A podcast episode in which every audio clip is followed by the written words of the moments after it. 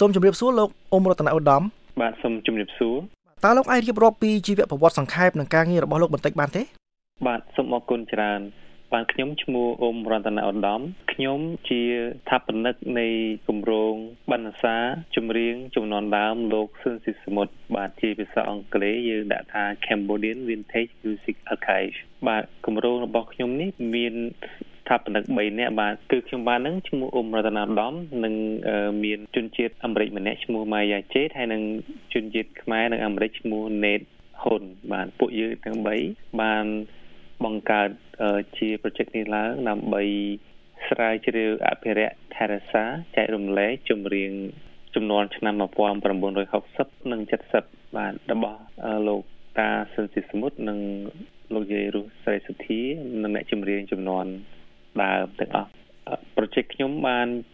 បានកើតឡើងនៅ ក្នុងឆ្នាំ2010ហើយយើងបានធ្វើការស្រាវជ្រាវប្រម៉ែប្រមូលឯកសារចម្រៀងបាទរបស់សិល្បករសិល្បករនីចម្រៀងឆ្នាំ60 70ហ្នឹងបាទរួមមានទាំងកាសែតចម្រៀង CD ហើយនិងថាសចម្រៀងដើមដែលយើងបានប្រម៉ែប្រមូលថាដែលបានសេសសល់ពីបានសង្គ្រាម ដើម្បីយកមកថែរក្សាថតចម្លងទុកការពីខ្លាចក្រៃថៃវាមានការបាក់បាក់បែកយើងអាចបាត់បង់ចម្រៀងនឹងអញ្ចឹងយើងថែរក្សាហើយ project ខ្ញុំសប្តាហ៍នេះគឺបានចូលជា project មួយរបស់អង្គការមិត្តភូមិខ្មែរភាសាអង់គ្លេសគេហៅថាមិត្តភូមិខ្មែរ Spirit Center បាទដែលសប្តាហ៍នេះការយាល័យរបស់អង្គការហ្នឹងគឺស្ថិតនៅក្នុងទីក្រុង Kingman នៃរដ្ឋ Arizona តើលោកអាចរៀបរាប់អំពីផលប្រយោជន៍នៃការបង្កើតបណ្ណាសាឬក៏កន្លែងស្តុកទុកបទចម្រៀងសម័យដើមនេះតើតើលោកគិតថាមានផលប្រយោជន៍អ្វីខ្លះចំពោះប្រទេសកម្ពុជាឬក៏ធនធានមនុស្សខ្មែរយើងឬក៏វិស័យសិល្បៈក៏អធិប្បាយនេះបាទផលប្រយោជន៍នឹងគឺមានច្រើនណាស់បាទគេថាបណ្ណាសាជាកន្លែងមួយដែលជាផ្ដល់ជាការថែរក្សាអសរសាស្ត្របាទរបស់យើងហ្នឹងអញ្ចឹងប្រយោជន៍មិនត្រឹមតែអឺលើកដំណើរវប្បធម៌របស់យើងទេ វាជាសម្បត្តិវប្បធម៌របស់ខ្មែរយើងបាទដូចថាតែបានសេះសល់បាទតាំងពី40 50ឆ្នាំមុនហើយ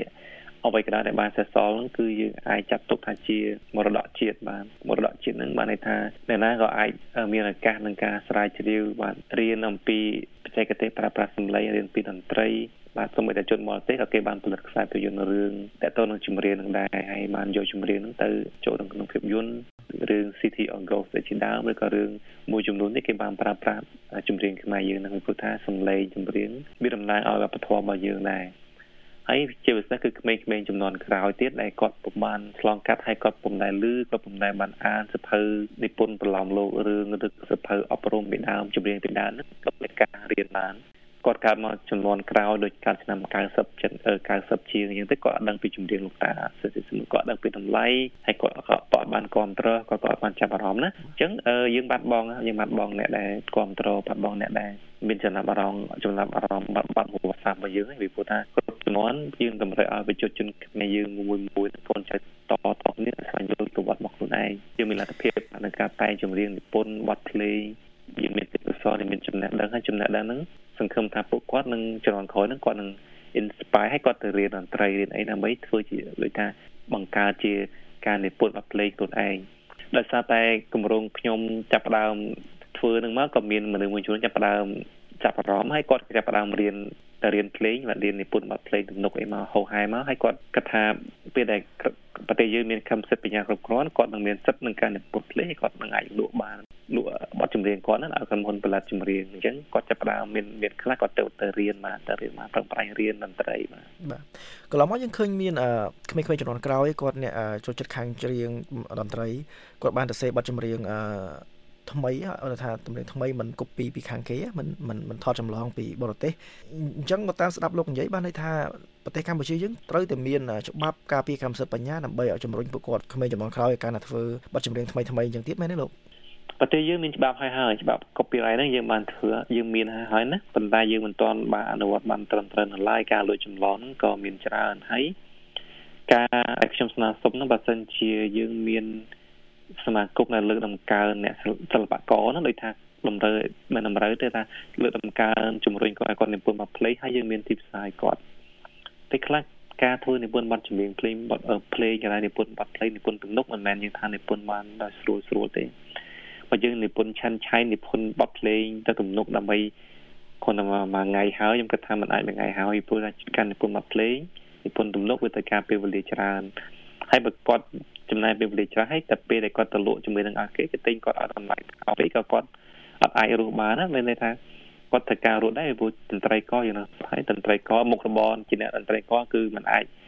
ច្រៀងឬក៏និពន្ធអាចអាចមានទទួលទានបានរស់នៅគ្រប់គ្រាន់ណាគាត់តែមុខរបរផ្សេងទៀតអញ្ចឹងទាំងអស់បាទអត់អាចចំខ្លួនបានទេតែតាមធ្វើជាអ្នកចម្រៀងឬក៏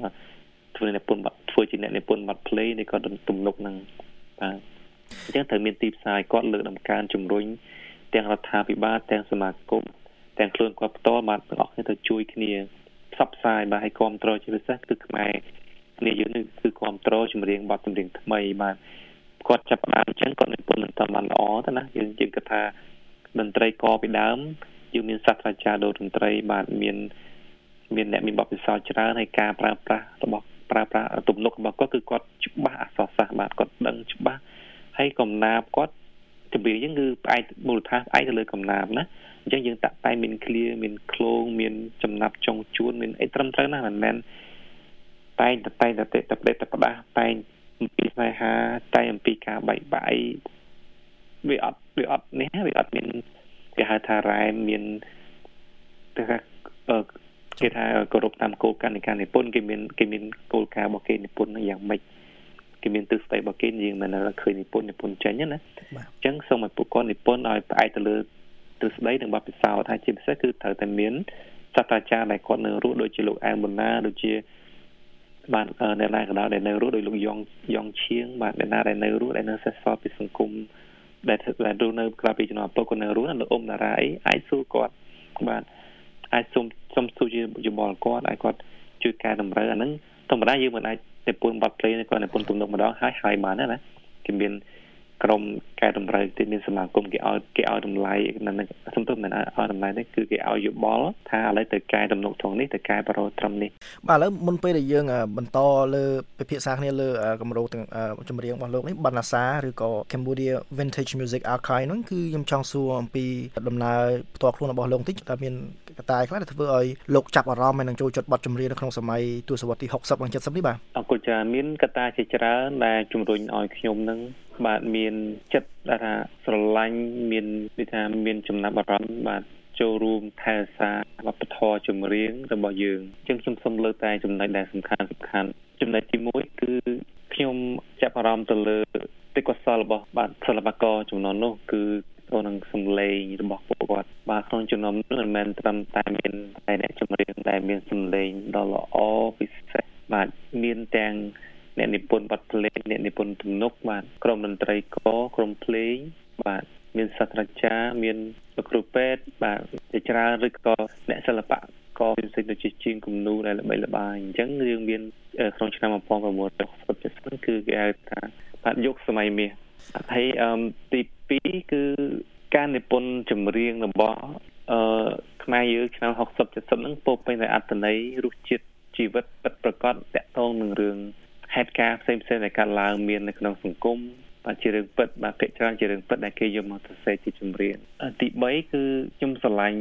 ដូចថាចម្រៀងដែលគេដែលគាត់តាក់តែងហ្នឹងគឺបង្កប់ដោយភាពអប់រំបាទមិនមែនមានតែមានន័យថាបទស្នេហាទាំងអស់នោះទេបាទទោះជាបទស្នេហាហ្នឹងក៏វាការប្រើប្រាស់ឃ្លាឃ្លោហ្នឹងក៏មានអត្ថន័យណែងនងរំដំហើយជាពិសេសខ្ញុំបាទស្រឡាញ់ដល់អ្នកនិពន្ធ អញ្ចឹងខ្ញុំបានចាប់អារម្មណ៍ទៅលើផ្នែកនៃទេពកោសលនឹងឯងដែលសិល្បករដូចជាលោកតាសុទ្ធិសមុទ្រនិងនិយាយរុស្សេសុធីណាដែលគាត់បានបានខែខំប្រឹងតាក់តែងចម្រៀងថតចម្រៀងបានឥឡូវហ្នឹងយើងគិតថាយើងមានចម្រៀងគាត់ចិត្ត1000ថាសណាយើងប្រមូលមកសរុបទៅគឺច្រើនណា សូមត្រឡប់ទៅវិញទៅលោកលោកថាលោកចាប់អារម្មណ៍បទចម្រៀងសម័យដើមឬក៏សម័យយុគសម័យមាសនេះដោយសារកត្តា3គឺកត្តាសម្លេងរបស់សិល្បករសិល្បករនេះជាជាក់ជាក់ស្ដែងគឺលោកសុនធីសមុទ្រហើយនិងស្រីសុស្រីសុធាហើយសម្លេងគាត់ល្អហើយនឹងអត្តន័យនិពន្ធរបស់គាត់គឺស្ដែងចេញអំពីការពិតរឿងបុគ្គលក្នុងសង្គមហើយនឹងអប់រំដល់ហើយទី3ហ្នឹងគឺអត្តន័យបទចម្រៀងនីមួយៗគឺអប់រំជារាជមែនទេលោកតើតើលោកយល់ថាលក្ខណៈពិសេសទាំងអស់ហ្នឹង តើខុសគ្នាពីបទចម្រៀងសម័យសម័យថ្មីយើងដូចម្ដេចខ្លះបាទអឺពីព្រោះថានៅក្នុងចំនួនឆ្នាំ60 70 ភាគច្រើនតន្ត្រីករអ្នកចម្រៀងគាត់ចេះអក្សរភ្លេងណាហើយអញ្ចឹងពេលគាត់ច្រៀងគាត់អានអក្សរភ្លេងច្រៀងគាត់មិនមែនច្រៀងដោយស្មែលនេះគេអត់អ្នកចម្រៀងពេកច្រើនអត់ចេះអក្សរភ្លេងទេតែអត់អត់ច្រៀងឧបករណ៍ភ្លេងណែអ្នកខ្លះគឺច្រៀងយកតែម្ដងច្រៀងតាមតន្ខ្លួនឯងនៅឃើញនៅមានគ្រូបានតិចតួចទេក៏គាត់ច្រៀងទៅណាប៉ុន្តែមានអ្នកជាមានមួយចំនួនក៏គាត់ចេះអក្សរភ្លេងចេះច្រៀងទៅតាមអក្សរភ្លេងក៏ត្រូវដឹងតង់ចុះឡើងពេលណាដកខ្យល់ពេលណាដូចថាលួចខ្យល់ដង្ហើមណាអញ្ចឹងគឺភាពខុសគ្នានៃការនៃការបច្ចេកទេសនៃការច្រៀងហើយណាមួយគឺសំឡេងនឹងវាសំខាន់ណាស់បើយើងមានសំឡេងពីរោះហើយយើងចេះឧបករណ៍ភ្លេងហើយយើងចេះអក្សរភ្លេងពេលយើងច្រៀងគឺលោកតាសិនសិសមុននឹងអ្នកជំនាញពីដើមគឺអត់មានជ្រាបទៅអត់មានលឺខ្យល់ដកដង្ហើមងាកងក់អីណាពីព្រោះគាត់ចេះអានអក្សរភ្លេងគាត់ច្រៀងតាម note ភ្លេង ហើយអ្នកចម្រៀងឥឡូវហ្នឹងខ្ញុំគិតថាអឺដោយសារបច្ចេកទេសជួយច្រើនផងដែរនៅក្នុងការធ្វើឲ្យសម្លេងគាត់ហ្នឹងអឺដូចថាល្អឬក៏ស្រួលឬក៏ពីព្រោះថាបច្ចេកទេសនៅពេលនេះវាខុសពីមុនអឺចុះកន្លងមកយើងមានឃើញអ្នកចម្រៀងសម័យថ្មីបានកែច្នៃនិងយកបទចម្រៀងសម័យដើមពីមុនមកផលិតឡើងវិញហើយនឹងច្រៀងឡើងវិញតើលោកយល់យ៉ាងណាដែរចំពោះករណីនេះបាទខ្ញុំតាមពិតទៅក្រៅ objective របស់គម្រោងខ្ញុំហ្នឹងគឺ ខ្ញុំបានធ្វើការបន្តជាមួយនឹងសិនសេដ្ឋកលដែលទៅជាកូនរបស់លោកច័ន្ទឆាយាបាទលោកលោកសិនច័ន្ទឆាយាជាកូនរបស់លោកតាសិនទីសមុទ្រអញ្ចឹងសិនសេដ្ឋកលជាចៅបាទខ្ញុំបានធ្វើការជាមួយគាត់រួមជាមួយនឹងម្ចាស់ថាសចម្រៀងបាទដែលពួកយើងទាំងអស់គ្នាបានធ្វើការប្រមូល ផុសតាងបានដាក់ស្នើសុំទៅដល់ក្រសួងវប្បធម៌និងក្រសួងពាណិជ្ជកម្មដើម្បីសុំសិទ្ធិបញ្ញាជូនលោកតាសិទ្ធិសមុទ្របាទអញ្ចឹងខ្ញុំតកតនឹងរឿងដែលគេយកចម្រៀងរបស់លោកតាទៅទៅគេហៅថាទៅ remix ឬក៏ទៅ remaster ឬក៏បញ្យកបាត់គាត់ដូចថាយកតុងយក ភាគមួយនៃផ្នែកចម្រៀងឬក៏ភ្លេងឬក៏ melody ហ្នឹងទៅប្រើប្រាស់ខ្ញុំឃើញថាខ្ញុំមិនដឹងថាគេធ្វើយ៉ាងហ្នឹងគេធ្វើហ្នឹងគឺគេឆ្លងតាមល្បិចរបៀបមិនទេណាអឺភាគច្រើនបើសិនតាមផ្លូវច្បាប់វិញប្រហែលជាត្រូវឆ្លងនៅក្រសួងការស្នើសុំអនុញ្ញាតឬក៏បាទជួបជាមួយគាត់សូមអរគុណឬក៏អនុញ្ញាតឲ្យថាពេលដែលយើងយកបាល់កុលថតយើងផ្ដល់យកឲ្យគាត់ណាដូចជាថវិកាលើកទឹកចិត្តគេហៅថា លុយសប្បុរសធម៌ controlity ហ្នឹងគឺផ្ដល់ជូនគាត់ចឹងទៅតែខ្ញុំមិនមានទស្សនៈអីថាខុសឬត្រូវទេអាហ្នឹងគឺអាស្រ័យទៅលើបុគ្គលមួយមួយដែលគេជាអ្នកផ្ដល់ជាមតិណាចំពោះខ្ញុំវិញបាទខ្ញុំគិតថាបើធ្វើអញ្ចឹងគឺទៅតែឆ្លងដល់ក្រុមគ្រួសារគេផងបាទយើងសូមកុំភ្លេចពីព្រោះថាក្រុមក្រុមគ្រួសារគេនៅរស់នៅឡើយយើងផ្ដល់ជាការគោរពបាទខ្ញុំជឿថាពួកគាត់អត់ចង់បានអីពីពីអីពីយើងទេតែគាត់ចង់បានតែការគោរពបាទបាទ លោកបាននិយាយថាគម្រោងប្រការងាររបស់លោកហ្នឹងគឺប្រមូលថែរក្សាហើយនឹងចែករំលែកបទចម្រៀងសម័យ60និង70តើកន្លងមកនោះលោកបានជួបផលលំបាកអីខ្លះនៅពេលដែលធ្វើកិច្ចការទាំងអស់ហ្នឹងបាទបាទផ្នែកស្រាវជ្រាវនិងផ្នែកថវិកាវាមានផលលំបាកច្រើនស្រាវជ្រាវហ្នឹងគឺថាយើងត្រូវស្រាវជ្រាវដើររកស៊ូព័ត៌មានអ្នកណាដែលគាត់មានថាសនឹងដែលត្រូវការឲ្យពួកយើងទៅចោះជួយថតចម្លងសម្លេងនឹងទុក ហើយនឹងបើសិនជាអ្នកណាគាត់មានចិត្តថាចង់ donate ក៏ donate តែបើសិនជាមិនចឹងទេគាត់គាត់ធ្វើការលក់ដូរយើងក៏មានលទ្ធភាពក្នុងការទិញបើសិនជាតម្លៃសមរម្យណាពីមុនថាជំនាញហ្នឹងដែលដែលសិស្សសល់ហ្នឹងគឺមិនថ្លៃទេដែលថាខ្លះមានសបកទៅថាខ្លះក៏មិនមានសបកទៅប៉ុន្តែថាភាគច្រើនគឺជាថាតុយតុយណាបានន័យថាគេហៅថា7 inch record ដែលមានតែ2បទទេឬពេលខ្លះមាន3បទ4បទទៅបាទអាស្រ័យទៅលើក្រុមហ៊ុនថាចម្រៀងណាគឺថាភាគច្រើនគឺលក់តែ1 20ដុល្លារអីទេឬក៏50ថ្លៃជាងគេណាឥឡូវហ្នឹងគឺស្រាប់តែតម្រូវការមនុស្សគឺចាប់ផ្ដើមចាប់អារម្មណ៍ច្រើនណាតែពេលខ្ញុំធ្វើ project ហ្នឹងទៅមានមនុស្សមួយចំនួនគេចាប់ផ្ដើមទទួលស្គាល់តម្លៃវាបរទេសឬក៏ខ្មែរយល់ដឹងពីថាប្រយោជន៍និងតម្លៃនៃឧបនៃរបស់ថាជំនាញហ្នឹងពីព្រោះថាវាជារបស់បុរាណមកយើងគិតទៅគឺ50 60ឆ្នាំណាថាខ្លះធ្វើតាំងពីឆ្នាំ59 60មកអញ្ចឹងថាហ្នឹងក៏យូរយូរទៅគឺប្រជាជនខ្មែរយើងក៏ដោយបរទេសក៏ដោយអ្នកដែលឆ្លាញ់ជំនាញ ពីដើមក៏ដោយនៅអាមេរិកក៏ដោយនៅណាក៏ដោយគាត់ទៅស្រុកខ្មែរគាត់ទៅអាមេរិកគាត់ទៅប្រាំងគាត់ទៅអូស្ត្រាលីគាត់គាត់ស្វែងរកថាហ្នឹងហើយអ្នកខ្លះលក់ថាជាមានតាម eBay ទៀតអញ្ចឹងតម្លៃថាហ្នឹងខ្លះឡើងដល់1000ដុល្លារជាងបាទអញ្ចឹងទៅធ្វើឲ្យការស្រាវជ្រាវរបស់ខ្ញុំហ្នឹងជួបផលវិបាកពីព្រោះថាអ្នកដែលគាត់មានថាហ្នឹងគាត់គាត់ដឹងថាគាត់អត់ចង់ឲ្យយើងហ្នឹងទៅថតរបស់គាត់ទេតែគាត់លក់ឲ្យយើងហ្នឹងថ្លៃដល់តែយើងអត់មានលុយទិញទេអញ្ចឹងណាទស្សនៈអញ្ចឹងលោកគម្រោងថ្ងៃមុខទៅមើលទៅអាចដើររកជំនួយឬក៏ទុន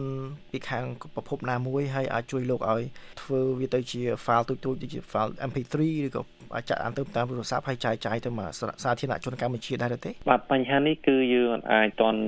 គិតថាធ្វើអញ្ចឹងទេពីព្រោះយើងនៅធ្វើកិច្ចការផ្លូវសោះច្បាប់មួយចំនួនណាកិច្ចការសោះច្បាប់ហ្នឹងគឺតកតទៅនឹងកម្មសិទ្ធិបញ្ញានិងសិទ្ធិអ្នកនិពន្ធបានសិទ្ធិទាំងសិទ្ធិស្មើគ្នាដូច្នេះយើងអាចយកទៅធ្វើជា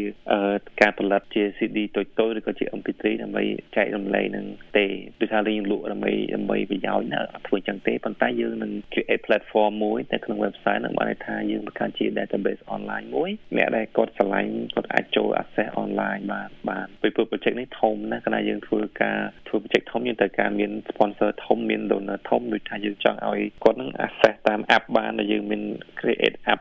digital archive app នៅលើ smartphone ដូចជា iOS ឬក៏ Android ហ្នឹងឬក៏លើ website ហ្នឹងយើងត្រូវការមានការចំណាយបានពីរគឺយើងបង្កើតជំធ្វើថាថាថ្មីឡើងវិញហើយការធ្វើថាថ្មីហ្នឹងក៏តកតទៅនឹងរឿងកម្មសិទ្ធិបញ្ញាដែរយើងអញ្ចឹងលោកមានប្រសាសន៍ថាលោកនឹងត្រៀមចូលកម្មវិធីវប្បធម៌មួយនៅក្រុងប៉ារីសនៃប្រទេសបារាំង តើលោកអាចរៀបរាប់ពីកម្មវិធីនេះតិចបានទេមកតើលោកនឹងធ្វើអ្វីនៅទីនោះបាទគម្រោងដែលខ្ញុំនឹងរៀបចំជាមួយនឹងអង្គការខ្មែរសិល្បៈអមតៈនិងសាមគ្គីកូនខ្មែរនៅទីក្រុងប៉ារីសនោះគឺយើងមានបែងចែកជា3ផ្នែកបាទផ្នែកទី1គឺនឹងធ្វើការចាក់រឿងឯកសារភាពយន្តរឿងកុំស្មានបងភ្លេចបាទដែលដឹកនាំដោយលោក John Pirozi បាទនិងផ្នែកទី2គឺយើងធ្វើការពិភាក្សាទៅលើប្រធានបទចម្រៀងអឺឆ្នាំ60ហ្នឹងហើយយើងនឹងមានចាក់ខ្សែភាពយន្តខ្លីមួយទៀតតទៅនឹងគម្រោងរបស់ខ្ញុំហ្នឹងដែលធ្វើឡើងដោយដោយ Raw Music International បាទតទៅពីនឹងគម្រោងខ្ញុំហើយយើងនឹងវិភាគសាទៅអត្ថបទប្រធានបទនៃការស្រាវជ្រាវអភិរក្សបាទនឹងមានការចូលរួមពីតន្ត្រីករនិងអ្នកចម្រៀងជំនាន់ដើមអ្នកផលិត ក្រុមហ៊ុនផលិតថាជំនាញហើយនឹងជាមួយនឹង musicology បាទជាជាខ្មែរខ្ញុំអត់ដឹងថាម៉េចទេ musicology អ្នកស្រាវជ្រាវជាជាជាសិស្សឬក៏ជាអ្នកជំនាញខាងតន្ត្រីណាអញ្ចឹងយើងចូលរួមពិភាក្សាហ្នឹងក្នុងរយៈពេល1ម៉ោងបាទហើយសំណួរចុងក្រោយបាទតើលោកមានអ្វីផ្ដាំផ្ញើទៅកាន់ប្រជាពលរដ្ឋនិងក្មេងចំនួនក្រោយក្នុងប្រទេសកម្ពុជាទេបាទអំពីគម្រោងរបស់លោកឬក៏ចម្រៀងសម័យដើមនេះបាទបាទខ្ញុំមានពាក្យផ្ដាំផ្ដាំបាទជូនដល់ប្រជាពលរដ្ឋយើងលោកតាលោកយាយបងប្អូន ជនជាតិនិងក្មេងៗជំនាន់ក្រោយសិល្បករតន្ត្រីករទាំងអស់បាទគឺយើងជាជនជាតិខ្មែរបាទយើងត្រូវតែយល់ពីតម្លៃរបស់វប្បធម៌របស់យើងអញ្ចឹងខ្ញុំសូមស្នើសុំឲ្យអ្នកទាំងអស់គ្នាចូលរួមចំណែកក្នុងការគ្រប់គ្រងការពារអភិរក្សរក្សាបង្កើតបាទ អ្វីដែលល្អអប់រំបាទក្រៅពីចម្រៀងស្នេហាចម្រៀងសប្បាយយើងត្រូវតែមានចម្រៀងអប់រំបើសិនជាចម្រៀងអប់រំគឺអប់រំផ្លូវចិត្តតាមរយៈស្នេហាតាមរយៈបាទពាក្យពេចន៍នៃក្នុងទៅក្នុងអត្ថបទចម្រៀងបាទជួយទាំងអស់គ្នាបាទជួយយ៉ាងណាពីពុទ្ធសង្គមរបស់យើងត្រូវតែថាយើងបាប់ចម្រៀងល្អចម្រៀងមានអត្ថន័យណែនាំធ្វើឲ្យការរស់នៅក្នុងសង្គមមានសធម៌ល្អបាទហើយជាពិសេសគឺសូមលើកទឹកចិត្តដល់ក្រុមត្រីកបកក បាទចំនួនកណ្ដាលចំនួនក្រោយគាត់ឲ្យគាត់បន្តការងារបានផលិតពន្ធនិពន្ធបទភ្លេងបានហើយជាលើកចុងក្រោយខ្ញុំក៏សូមថ្លែងអំណរគុណទៅដល់លោកពូបាទលោកអ៊ំបងប្រុសបងស្រីដែលបានប្រកាសជំរុញឲ្យខ្ញុំថតណាកន្លងមកបាទខ្ញុំសូមថ្លែងអរគុណច្រើនពីព្រោះមានពុកបងនឹងឯងដែលជាអ្នកគ្រប់គ្រងជួយបាទថែរក្សាជាមួយនឹងយើងទាំងអស់គ្នាហើយបើសិនជាអ្នកណាដែលមានថាជំនាញឲ្យពួកគាត់ចង់ធ្វើការតជូន ឲ្យខាងក្រុមថតរក្សាទុកបាទខ្ញុំមានមានអ្នកតំណាងនៅប្រទេសខ្មែរបាទអាចតាក់ទងបានបាទសូមអរគុណលោកអ៊ុំរតនាឧត្តមដែលបានផ្ដល់បទសម្ភាសន៍ដល់ VOA បាទបាទសូមជម្រាបលាលោក